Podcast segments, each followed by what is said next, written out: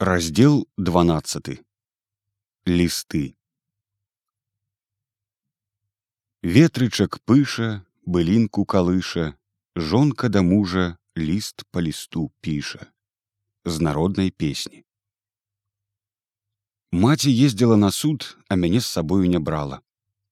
Бацька яшчэ і пасля суда сядзеў троху ў вільні і прасіў маці каб яна калі будуць іх высылаць прыехала б да яго і мяне б з сабою ўзяла але развітацца нам з ім не ўдалося. Адкрытка яго была затрымана у турмеце на пошце і калі мы сабраліся ехаць да яго ў вільню прыйшла другая што скінуў бацька ў дарозе калі ўжо ехаў. І гэтае лета да восені пражылі мы ў брудзянішках.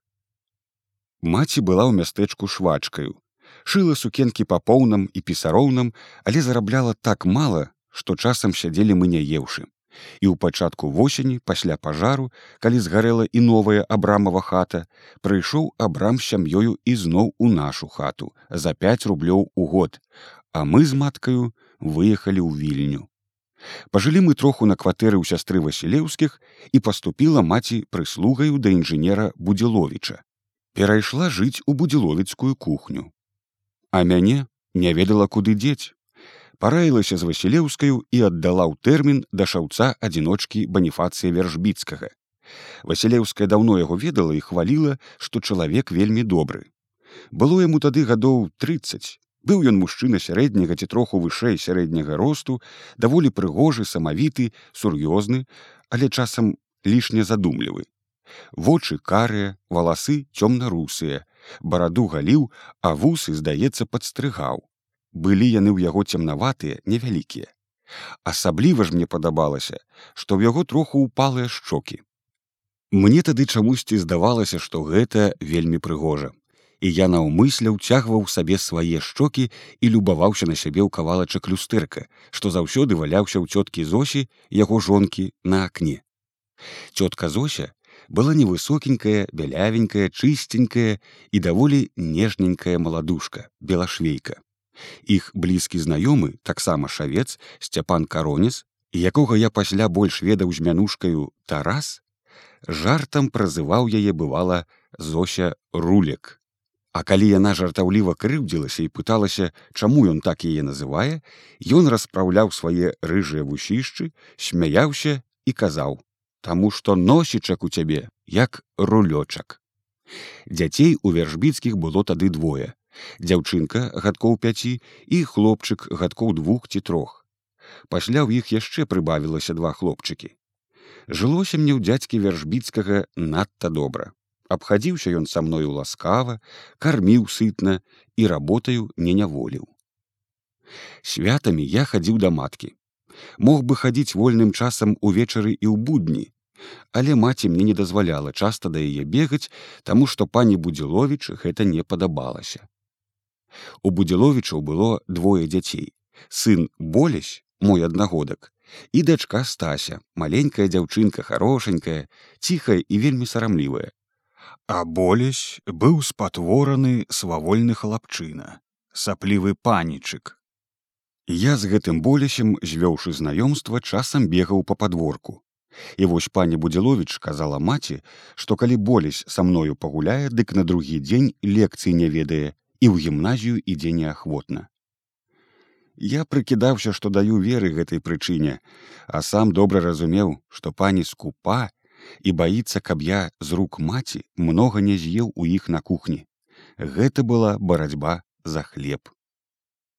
Столькі я там і бегаў з тым болясем, звычайна калі я прыходзіў маці старалася выбраць вольную хвіліну ад работы і ад пані будзіловіч і садзіла мяне за свой столік на трох ножках у кухенным кутку падходам на вышкі садзіла пісаць ліст бацьку у сяло благавешчанскае кірынскага павета іркутскае губерні знаходзіцца гэтае сяло дзесьці ў глухой тайзе кіламетраў за 300 ад горада кірынска і кіламетраў за тысячу ад горада іркутска лісты як нашы так і бацькавы часта губляліся ў дарозе а калі і даходзілі дык надта не скора праз месяц і болей і гэта вельмі ахалоджвала мой імпэт да пісання бо пішаш пішаш а можа быць зусім упустую А калі і дойдзе, дык толькі тады, калі ўжо ты і забудзешся, пра што там пісаў.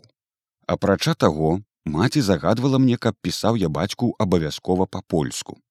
Дыктаваць жа мне не хацела, а толькі раскажа, раскажа, а ты складай сваёю галавою. Наўчылі ж мяне пісаць у школе толькі па-руску. Дык якая ж была мне пакута. Кожны раз даходзіла да горкіх слёз з абодвух бакоў і з матчынага і з майго. Маці плакала ад жалю па бацьку, размаўляючы з ім у лісце, а я плакаў, што не магу напісаць так, як ёй хочацца. Ды наогул, лягчэй было мне насукаць дратвы на сто пар ботаў, чым напісаць адзін ліст. А часам скрозь слёзы ніяк не мог я ўтрымацца ад смеху, а то і пачынаў рагатаць як вар'ят. Мой дрогі пане Мэнджу, размаўляе маці з бацькам у лісце, а мне смешна хоць лопні, што яна так круціць на панскі лад. Чаго ты рагочаш, з каго ты смяешся? Грозна падступае маці. І зараз заліваецца слязьмі. Няма ў цябе розуму ў галаве мой ты сыночак, нічога яшчэ ты не разумееш. І ўздыхне. Ужо і на бацьку забыўся, не любіш. Аднаго разу, калі мы так пісалі, у кухню выпадкова зайшоў сам будзіловіч, лысы, чарнавусы, акулярысты пан. Я спалохаўся яго, а ён паглядзеў на мяне, паглядзеў на мае слёзы і падышоў зірнуў на маё пісьмо. Сорамна зрабілася мне за мае грымзолы, шчырванеў я, аж за вушамі цёпла стала, А ён павярнуўся да маці і кажа: « А ведаеш Анета, хлопчыка твайго трэба падвучыць, па-польску, ды наогул, бо піша ён няважна. Не сказаў ні к чорту, а толькі няважна. Відаць, або належаў ён да людзей надзвычай далікатных і не хацеў у маёй прысутнасці сказаць аб маёй рабоце грубае слова праўды, або быў з той катэгорыі светлаглядцаў, што лічаць за лепшае абнадзейваць чалавека мяккасцю ацэнкі, чым забіваць іх крытыкаю як даўбнёю, ад якой ужо не падымеся зусім ніколі. Прошан пана, як жа я буду яго вучыць, заенчыла яна сваім звычайным цяпер пакутным тонам, што аднак вельмі не ішло да яе, бо была з выгляду хоць і не дужа пышная, а ўсё ж хорошая, відная.